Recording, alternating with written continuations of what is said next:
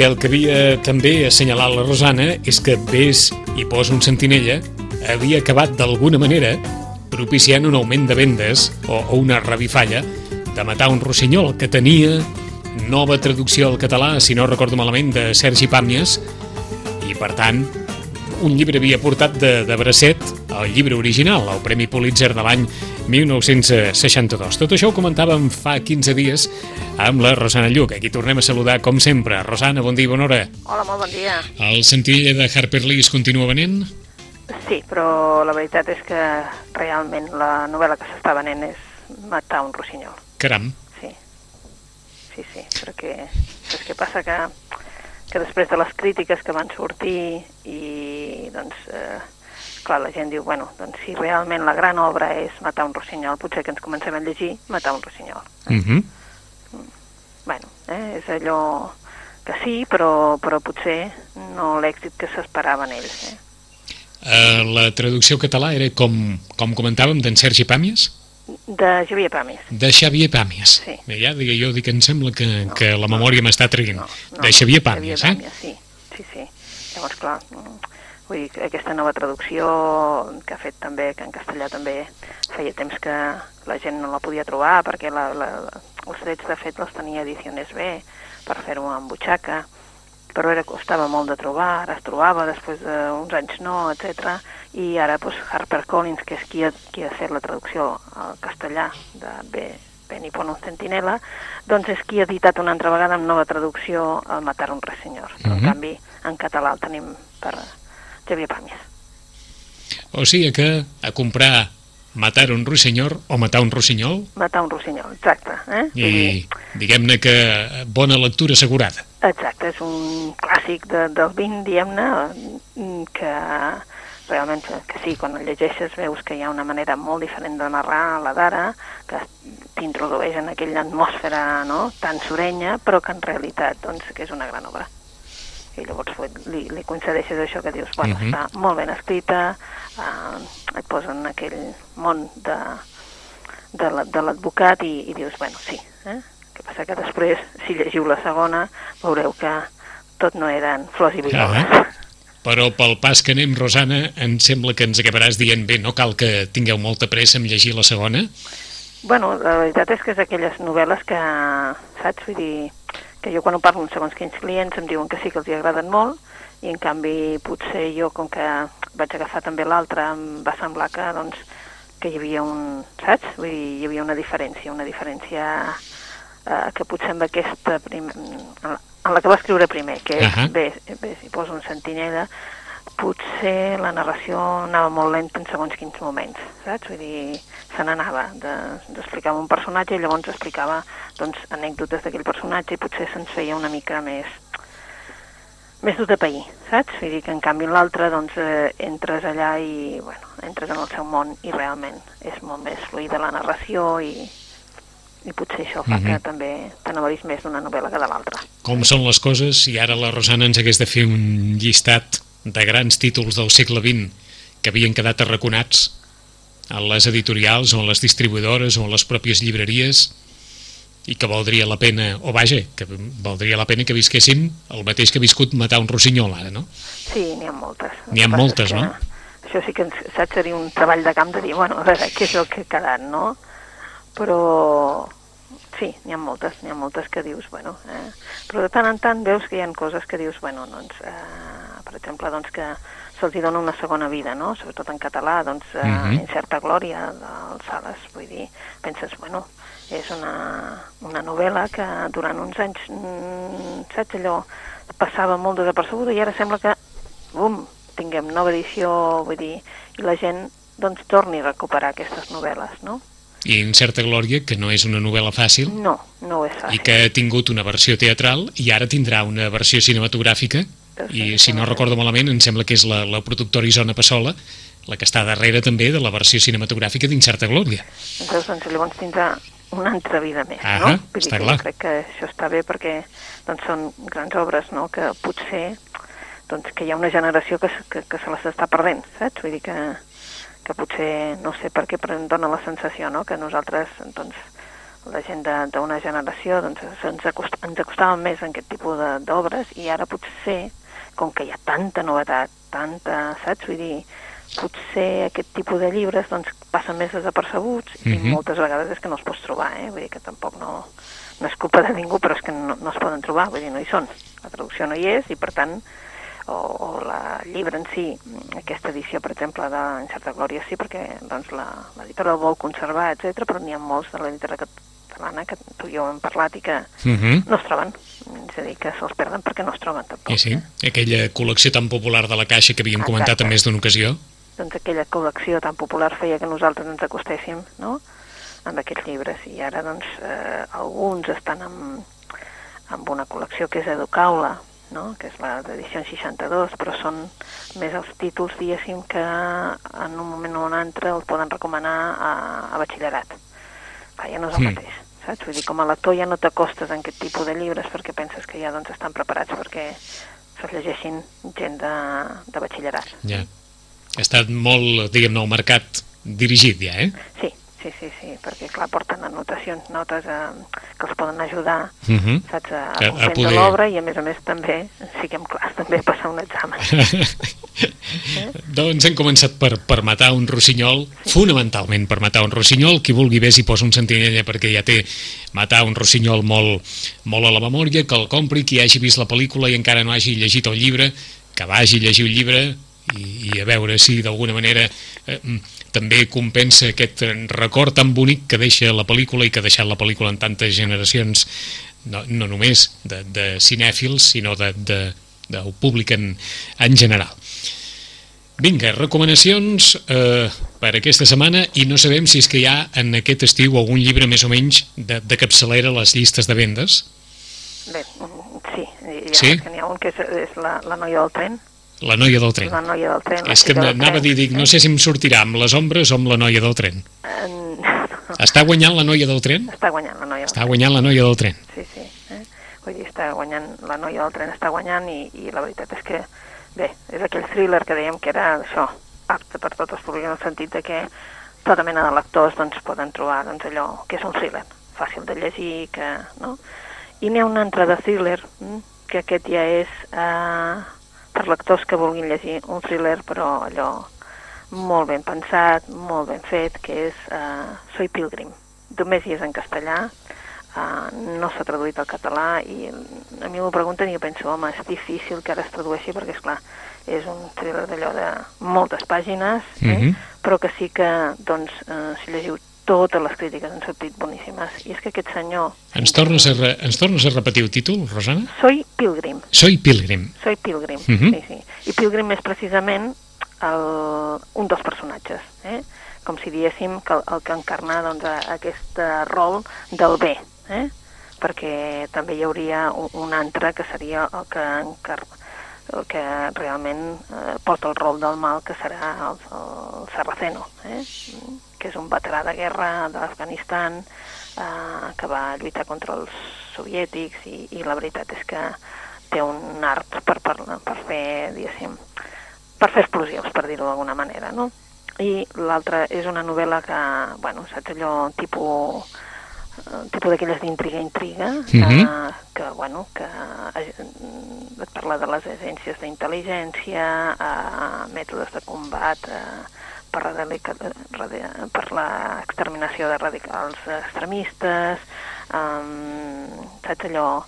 És una intriga i una tensió que tu has d'estar eh, en, en el llibre. Eh? I llavors, clar, com que la veritat és que ens parla de molts punts, des de, te'n vas des dels Estats Units, te'n vas cap a la Franja de Gaza, te'n vas cap a Afganistan, cap a Síria, cap a Turquia, cap a França, cap a Itàlia... Uh -huh. Bueno, És fas un la- recorregut, saps? És la, ens diu la nota de premsa, la primera novel·la del qui va ser guionista de la segona edició, de la segona part, de Mad Max, Exacte, sí. El guerrero de la carretera. Doncs si algú més o menys vol, vol referenciar a Terry Hayes, que és el nom de l'escriptor de, de Soy Pilgrim, el guionista de Mad Max 2. Sí, per tant, vull dir, ja veieu que... Eh? Sí, que, que, sí, bueno, sí. Eh? Ha, ha de ser una narració en vigor, eh, hem de Sí, suposar. és una narració en vigor, és una narració, però el que és clar, com que salta de, per tant, eh, de fet posa situacions diferents, vale? i després ja vas veient com, com s'entrellaça tot, no? És clar, eh, no és el mateix que, que la noia del tren. Eh? Llavors, clar, tu has d'estar al tanto de la novel·la perquè és una novel·la d'espies, no? Però, bueno, d'un suspens d'allò que, que estàs allà davant de la novel·la que, que no la pots acabar o que uh -huh. tens ganes de que no s'acabi, eh? que també això ens passa, no? que tenim ganes de que no se'ns acabi la novel·la. Per aquells que s'atreveixin amb una novel·la d'aquelles que dius eh, llàstima que, que sigui tan doble, perquè, és clar la gent el que diu, uh, això per llegir la nit, sí, sí, eh? Això per llegir la nit és una mica difícil, però mm -hmm. pot pes i tot. Eh? D'acord, però lectura d'estiu, si es vol, lectura eh? Lectura d'estiu, sí, sí, totalment, eh? Vull dir, molt, molt, molt, molt, molt recomanable, però vaja. Eh? Novel·la... que s'atreveixen a una thriller, eh, diguem-ne, de moltes pàgines. Ah, eh? doncs novel·la d'espies amb suspens, queda clar.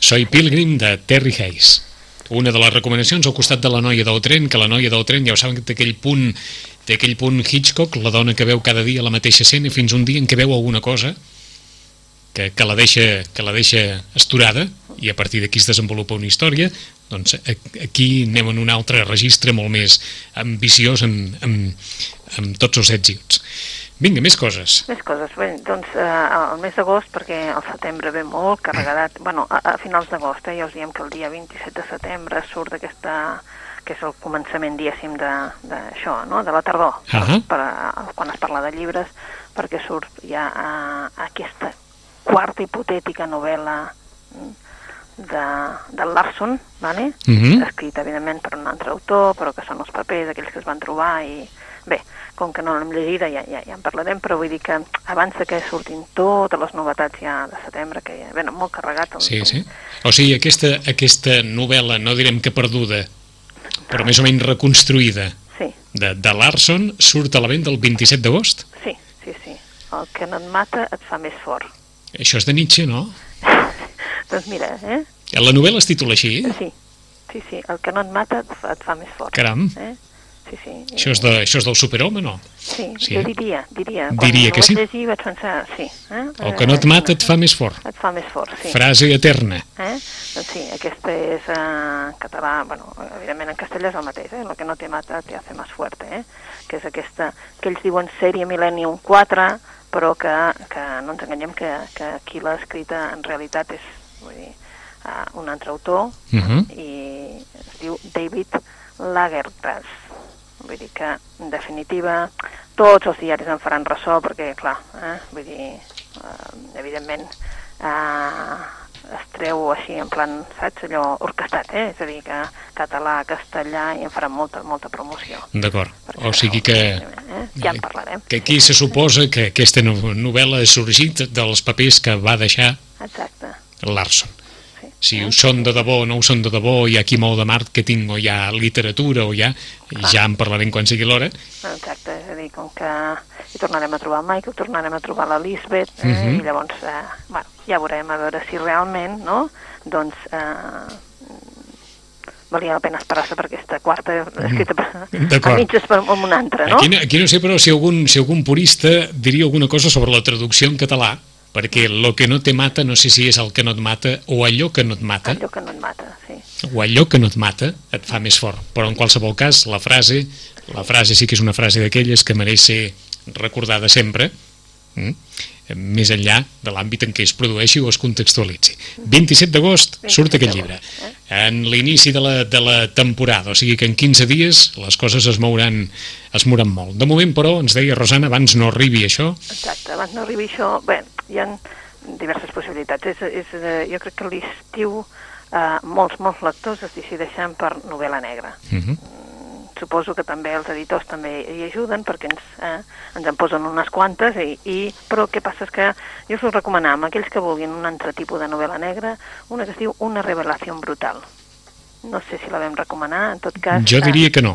No, és d'una autora Perquè molt són d'aquests són d'aquests títols que recordaria. Sí, uh, només està, està en, en castellà, perquè uh -huh. és mhm. d'aquella col·lecció que ha començat a Salamandra, que és Black, eh? la col·lecció Black, i la Louise Penny és una autora canadenca i per tant la novel·la se'ns situa a Quebec. Eh? és un poblet, és a dir, que és un altre tipus molt diferent dels nòrdics, eh? Vull dir, Mhm. malgrat que de tant en tant doncs, eh, potser el clim, la climatologia s'assemblaria, però no, eh? Eh, la manera d'escriure no. Aquí tenim eh, una comunitat petita, Three Pines, eh? o sigui, els Tres Pins, eh? i això és una comunitat molt petitona, un poblet en el que, bé, tots els poblets amaguen secrets, i potser aquí n'hi ha un de molt gros. Uh, quina... Aquest, sabem que um, l'editorial té pensat uh, portar-nos més novel·les d'aquesta autora, perquè la veritat és que ens ha deixat a tots, un, tots els que l'hem llegit, ens ha deixat així com molt enganxats, no? Per què? Perquè tenim un inspector, eh, l'inspector Armand Gamaix, que és el jefe del Departament d'Homicidis de, de la Seguretat de Quebec, eh? i és un inspector així com a molt diferent a tots, vull dir, la gent, els policies fins i tot no el reconeixen quan, quan el veuen, perquè és clar, és que ell va eh, així, va amb pantalons d'aquests de, de vestir, porta americana o moltes vegades porta corbata i això sí, porta una gorra que que diguéssim que el desdiu de la d'això, però clar, podria ser qualsevol que estigués per allà mirant com a passejant, i en Mhm. canvi és l'inspector. Uh, també té un ajudant, el Beaumont, i la veritat és que entre tots dos el que fan és una novel·la que sembla que en aparença tot doncs, és un poblet petit, tothom es coneix, saps allò, mm, hi ha quatre botigues, gent que ha vingut a viure des de fa molts anys i si els ha agradat el poble i s'han instal·lat, han posat que si una llibreria de segona mà, saps, eh, que si la taverna, que si no sé què, o sigui que tothom Tot, eh, es coneix. Uh -huh, eh? Tot molt bucòlic, no? Tot molt bucòlic, però la veritat és que hi ha algú que ha passat, i ha passat i és que s'ha trobat un cos mm, a dintre de la, ta de la taverna, del pub que hi havia, doncs s'ha trobat un cos quan el pub estava tancat i això trasbalsa doncs, absolutament tot perquè tothom diu que no el coneix, no reconeixen el cos. Això és evident que després anirem veient les connexions que tenia absolutament tothom i per tant eh, jo us recomano aquesta novel·la, si voleu aquesta, una revelació brutal de la Louise Penny. Uh -huh. És una novel·la diferent, per exemple, del thriller que dèiem ara o de, de La xica del tren també, que és un altre tipus de thriller. Això és novel·la negra i una novel·la que al principi penses, ui, serà molt lenta, però no. Uh, realment, quan tu entres a la novel·la ja veus que t'interessa, t'interessa, t'interessa i estàs uh, llegint fins al final. I el que sí hem comprovat és que tots els que l'hem llegit en volem més eh, d'aquesta novel·la, és a dir, que sabem que n'hi ha més, però que encara no estan traduïdes. Uh -huh. Per descomptat que la crítica la deixa pels núvols, eh? Sí? No, no, Sí, he llegit de sí, crítica. sí, hi ha, hi ha un... Vaja, hi ha, un, hi ha un, unes opinions de, de crítics que, que parlen sobretot d'aquest vessant molt, molt literari, que més enllà de la història de, de la intriga, hi ha una manera de vestir-la mm, vaja, absolutament la allò... diferent. Eh? Exacte. La fa diferent, eh? Vull dir, quan tu la llegeixes veus que és una novel·la policíaca, però diferent, saps? Vull dir, Mhm. quan, quan la llegeixes i quedes allò meravellat. No, no té res a veure com a tècnica, suposo que és més literària, potser. Doncs una autora, una autora diríem que relativament jove, 57 anys nascuda a Toronto, una revelació brutal en castellà, editada per Salamandra, 480 pàgines d'història magnètica sobre, precisament, a, a, aquest cos que és trobat en una taverna i del qual bona part de les persones que viuen en aquesta petita, en aquest petit llogarret, a Three Pines, i tenen alguna, alguna relació. Una revelació brutal. Més recomanacions. Bé, doncs, o, o bé són anem a novet... les novetats que han sortit darrerament, però jo també diria que és un temps que molts lectors els que volen és tipus llibre de butxaca. Llibre de butxaca per portar a la platja, per emportar amb un avió, per, saps allò, com que marxen de vacances, molts doncs voldrien llibre més aviat de butxaca. I ara és el moment de recuperar, recuperar coses, allò que dèiem, no? Però si voleu una novel·la d'intriga, una novel·la d'intriga, escrita fa més de 170 anys, seria la de Wilkie Collins, eh? uh, contemporani de Dickens, per entendre'ns. Caram! Vull dir que fa molts anys, eh? però en canvi La mujer de Blanco és una novel·la que està en edició de butxaca i que quan tu la llegeixes dius, carai, quina novel·la d'intriga més bona que he llegit. Eh? Jo la vaig llegir fa molt temps, eh, jo reconec que és eh, aquelles novel·les que, que m'agrada tenir quan algú em diu és que jo no vull una novel·la d'ara, vull una novel·la escrita fa molt de temps, uh, és d'aquelles novel·les que no li ha passat el temps. Hi ha, la, hi ha lectors que demanen això? Sí. Una novel·la de les d'abans? Sí, una Sí. novel·la d'abans. No, jo no vull novetats, no? Vull dir, no vull novetats, vull, vull um, altres coses, altres coses. Llavors és el moment de recuperar altres coses. Aquesta és una, eh, perquè és una novel·la d'intriga, no? com la que recomanarem ara d'aquí un moment, que Sí. també, saps? Vull dir, i aquest és un, professor de dibuix que, que es troba amb una dona vestida de blanc en un, eh, en un, en un camí. Eh? Mhm. I a partir d'aquí, doncs bé, mm, una mansió, estem eh, evidentment a l'època victoriana, estem a Anglaterra i és una novel·la doncs, de molta misteri, eh? que llavors aquest reflexa també doncs, la- l'època victoriana eh? i la veritat és que quan la comences és molt difícil que la deixis, però molt. Eh? Us la recomanem, per no llegir doncs, els autors només d'ara, sinó tirar enrere i veure que també tenim molt bona literatura anterior. No? O sigui que encara que estiguem parlant d'una novel·la de fa més de 100 anys, Sí. És una novel·la eh, que tu et deixes portar i no veus que li hagi passat, saps? Allò que sigui, bueno, que sigui una mica, diguem-ne, tueta, per lo que... Ahà. No, no, en absolut. Vull dir, dius, carai, novel·la d'intriga, eh? No, no tan policiaca, sinó més aviat d'intriga, perquè hi ha una intriga amb... eh, i la veritat és que aquest personatge es, saps, es veurà embolcallat eh, amb una història en el que bueno, s'enamorarà, però que també veu que hi ha un misteri, etc etc. La mujer de blanco, de Wilkie Collins. en llibre de butxaca. En llibre de butxaca. O sigui que per portar, per portar a tot arreu és una novel·la d'aquelles eh, eh, extenses, eh? però en qualsevol cas, per, per lectura d'estiu, Wilkie Collins, coetani, com ens deia fa un moment la, la Rosana de- d'un dels grans clàssics dels, dels drames victorians, mm, però en qualsevol cas aquí hi ha una, una novel·la d'intriga. Vinga, a l'altra recomanació que també ens pots donar. Sí, altres recomanacions. Bé, doncs eh, moltes vegades les novel·les així que volem dels clàssics, és igual, eh? tipus Dostoyevsky, tipus, sí? Uh, Tolstoi, um, aquestes novel·les també hi ha molts lectors que esperen a l'estiu perquè pensen que com que són d'un gruixut considerable, Sí. es volen llegir a l'estiu. O sigui, Però- algú, algú es vol llegir Crim i Càstig a l'estiu? Sí, Sí. sí, sí, sí. I te'n faries creus la quantitat de gent que ho prova amb l'Ulisses, Ostres, el Joyce.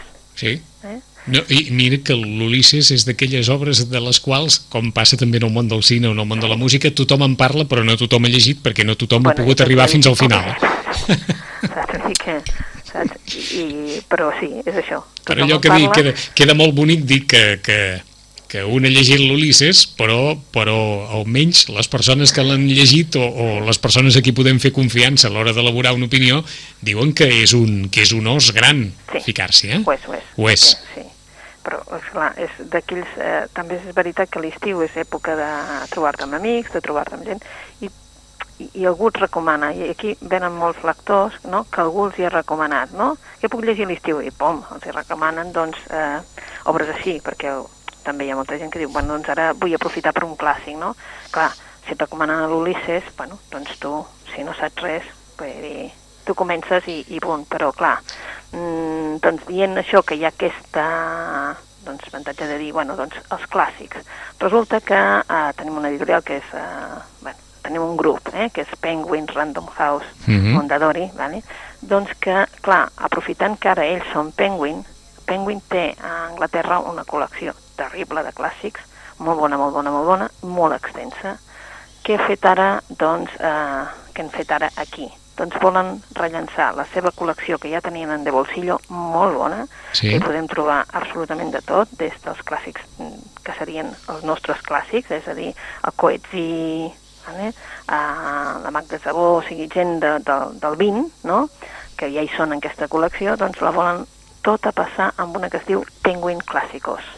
I aquest Penguin Clàssicos doncs, té una estètica molt, molt, molt semblant que la anglesa i en aquest cas doncs, han començat des de clàssics nostres, des de Lazarillos, um, Quijotes, etc., Sí. Quevedos, a eh, obres que, per exemple, són obres d'estiu, com a, per exemple, el Serazo Conan Doyle i els seus relats 1 i relats 2 del Sherlock Holmes. Uh -huh. És a dir, que, clar, tothom ha sentit a parlar de Sherlock Holmes, tothom ha vist molta pel·lícula, molta sèrie de Sherlock Holmes, però bé, potser és el moment no, d'agafar la, les novel·les del Sherlock Holmes i disfrutar molt.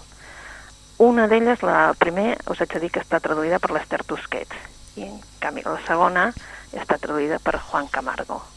Tenen l'avantatge de que ens posen ja qui és, si és que hi ha traducció, ens posen la traducció de qui és la, la traducció i és una col·lecció que l'han feta absolutament nova. També suposo amb la intenció de que no es digui que no tenim uh, això, doncs clàssics a l'abast, eh? Perquè allò, que, allò que en dirien els de la moda, un fons d'armari, eh? Exacte, un fons d'armari que a més a més està molt bé de preu. I és això el que fa... Perquè tot això és en llibre de butxaca. En llibre de butxaca, sí, sí. A més a més amb una estètica molt maca, saps? Això... És que ara recordaven el, eh, almenys a la Gran Bretanya, Penguin edita de tot, llibres de música, llibres d'art, hi, ha, hi ha moltes divisions en aquesta col·lecció de llibres de butxaca, no? Sí.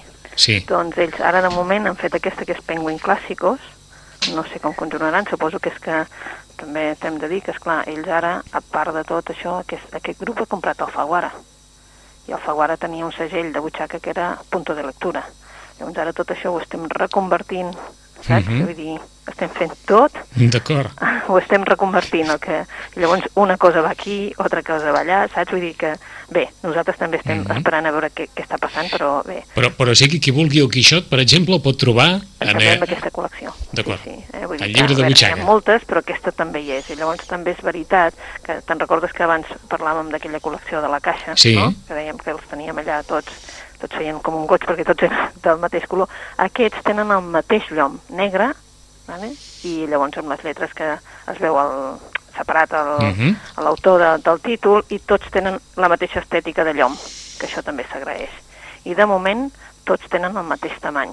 Dic de moment perquè això cada vegada és que ens passa, cada vegada. Doncs ara tot seria una col·lecció de fons d'armari que dius tu, pues, que pots trobar pues, absolutament de tot. I de moment tots tenen el mateix preu també?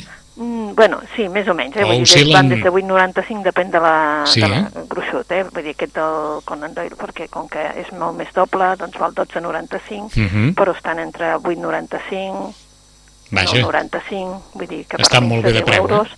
tens molts llibres de literatura doncs, uh -huh. clàssics, que no tots són del 17 o del 18, perquè també n'hi ha d'ara, i van recuperant, eh? De fet, eh, ara pel setembre ja tenen Mujercitas preparat, que bueno, eh, són títols que dius, bueno, doncs ens sonen molt, Caram. eh, però en canvi potser no els hem llegit bé, no? Vull dir, clar, evidentment, Jane Austen, eh, les germans Bronte, tots aquests ja comencen a ser-hi, i el que passa que estan recuperant altres, eh, altres títols i fa gràcia perquè dius, bueno, com a mínim, de moment, eh, espero que no s'encansin, uh Mhm. -huh. tindrem tota una col·lecció de clàssics, eh, Doncs... que a més a més fa, fa molt de goig. Doncs qui s'hi vulgui posar amb el pare de Sherlock Holmes, d'Arthur Conan Doyle, els, la primera part i la segona part dels seus relats, eh, la primera traduïda per Esther Tusquets, la segona traduïda per Juan Camargo. És una de les mostres que poden trobar en aquesta col·lecció de Penguin Clàssicos, de Penguin Random House, Mondador. I temps per una recomanació més, Rosana. Doncs mira, per a tots aquells que potser li agrada un altre tipus de novel·la. Una novel·la que és mig novel·la històrica, mig biografia. Uh, hem recuperat una que es diu El olivo que no ardió en Salònica. Per què? Perquè és que és la història d'una família, la família dels Carasso, una família sefardí, que, bé, que quan fugen eh, doncs, mm, de la guerra eh, venen a parar precisament cap a eh, de, fugen de Salònica i venen Mhm. a parar aquests Carasso doncs el pare Isaac i el fill que es deia Daniel Danun, li deien, mm? venen a parar a Barcelona. Per què? Perquè és que han buscat doncs, eh, des d'un pastor, un pastor que feia una llet com a molt àcida, mm? i ells que volen, tenen aquest afany, són gent molt treballadora, etc etc, han produït el jaur. Val? Ah, amb una regió de Bulgària que s'ha començat a fer Sí. allò com a, com a prova. No, no em diguis que aquesta és la història de la família que va, que va inventar el iogurt. Doncs sí, el Danone. Això és la història de la família Danone, perquè ell es diu Danun i d'aquí el Danone. Caram. Doncs sí, és la història de la família del Danone que arriben a Barcelona, que veuen que Barcelona és una ciutat doncs, que s'hi troben bé, que la gent vol treballar i els ajuda moltíssim, i l'Isaac i el Daniel, que són pare i fill, doncs comencen un imperi. Un imperi perquè és que volen treballar, volen produir això, i, bueno, eh, des de París a Madrid, i, bueno, eh, després, clar, evidentment han de marxar cap a Cuba, cap a Nova York, eh? però sí que són, doncs, una... això, eh? Mm, és aquella tragèdia de, dels sefardís que Sí. han anat amunt i avall, no? però el Manuel Mira, que és l'autor, ha investigat moltíssim sobre això i, evidentment, és la història d'aquesta família, dels Carasso, que és aquells espanyols sefardís que van sobreviure a sis guerres i va construir precisament això, l'imperi Danone. Mm. Així ho diu d'aquesta manera la nota de premsa, comienza el siglo de las guerras infinitas, referint-se, òbviament, al segle XX, Turquía contra Itàlia, les nacions balcàniques contra l'Imperi Otomano, dos guerres mundiales, la Guerra Civil Espanyola, i diu, enmig de la desolació, un jueu espanyol de Salònica busca l'elixir de la vida, el jaurt. Ho troba en una llunyana regió de Bulgària, amb el seu secret ben guardat i les maletes plenes de por, Isaac Carasso i la seva família comencen un titànic viatge des de la Jerusalem sefardita fins al barri del Raval, a Barcelona, on aconseguiran fabricar un iogurt amb propietats medicinals. Prosseguiran la seva gesta a París i Madrid i, com ens deies, més tard perseguits pels nazis a l'exili de Cuba i Nova York fins a aixecar un dels més grans imperis empresarials del nostre temps, la històrica i saga i la èpica història dels sefardites espanyols que varen sobreviure a sis guerres i varen construir l'imperi de None. Home, doncs té un punt aquesta novel·la, eh? Sí, és com una novel·la, diguem-ne, saps allò? I a més a més, vull dir que mm, porta fotos, saps? I una de les fotos és una foto molt graciosa que hi ha el Daniel Carasso, eh? ell, el 2009, que ja tenia 103 anys d'edat, eh? És clar, Que va amb, morir, amb eh? tant de iogurt, Exacte, eh? I llavors la veritat és que, mm, bé, és, saps aquelles, eh, bueno, hi ha tipus com a, saps, novel·la biogràfica, sí, però que es fa interessant perquè és això, també, com que és un repàs en una època, clar, també mm, t'enteres de moltes altres coses, no? De que, que, quin va ser, doncs, aquest, aquest eh, periple d'aquesta gent que anaven d'un lloc a l'altre i que, la veritat, Mhm. que eren sefardís, eh? Doncs, eh, oblidada. un llibre de 730 pàgines, eh? Sí. O sigui que hi ha història per donar i per vendre.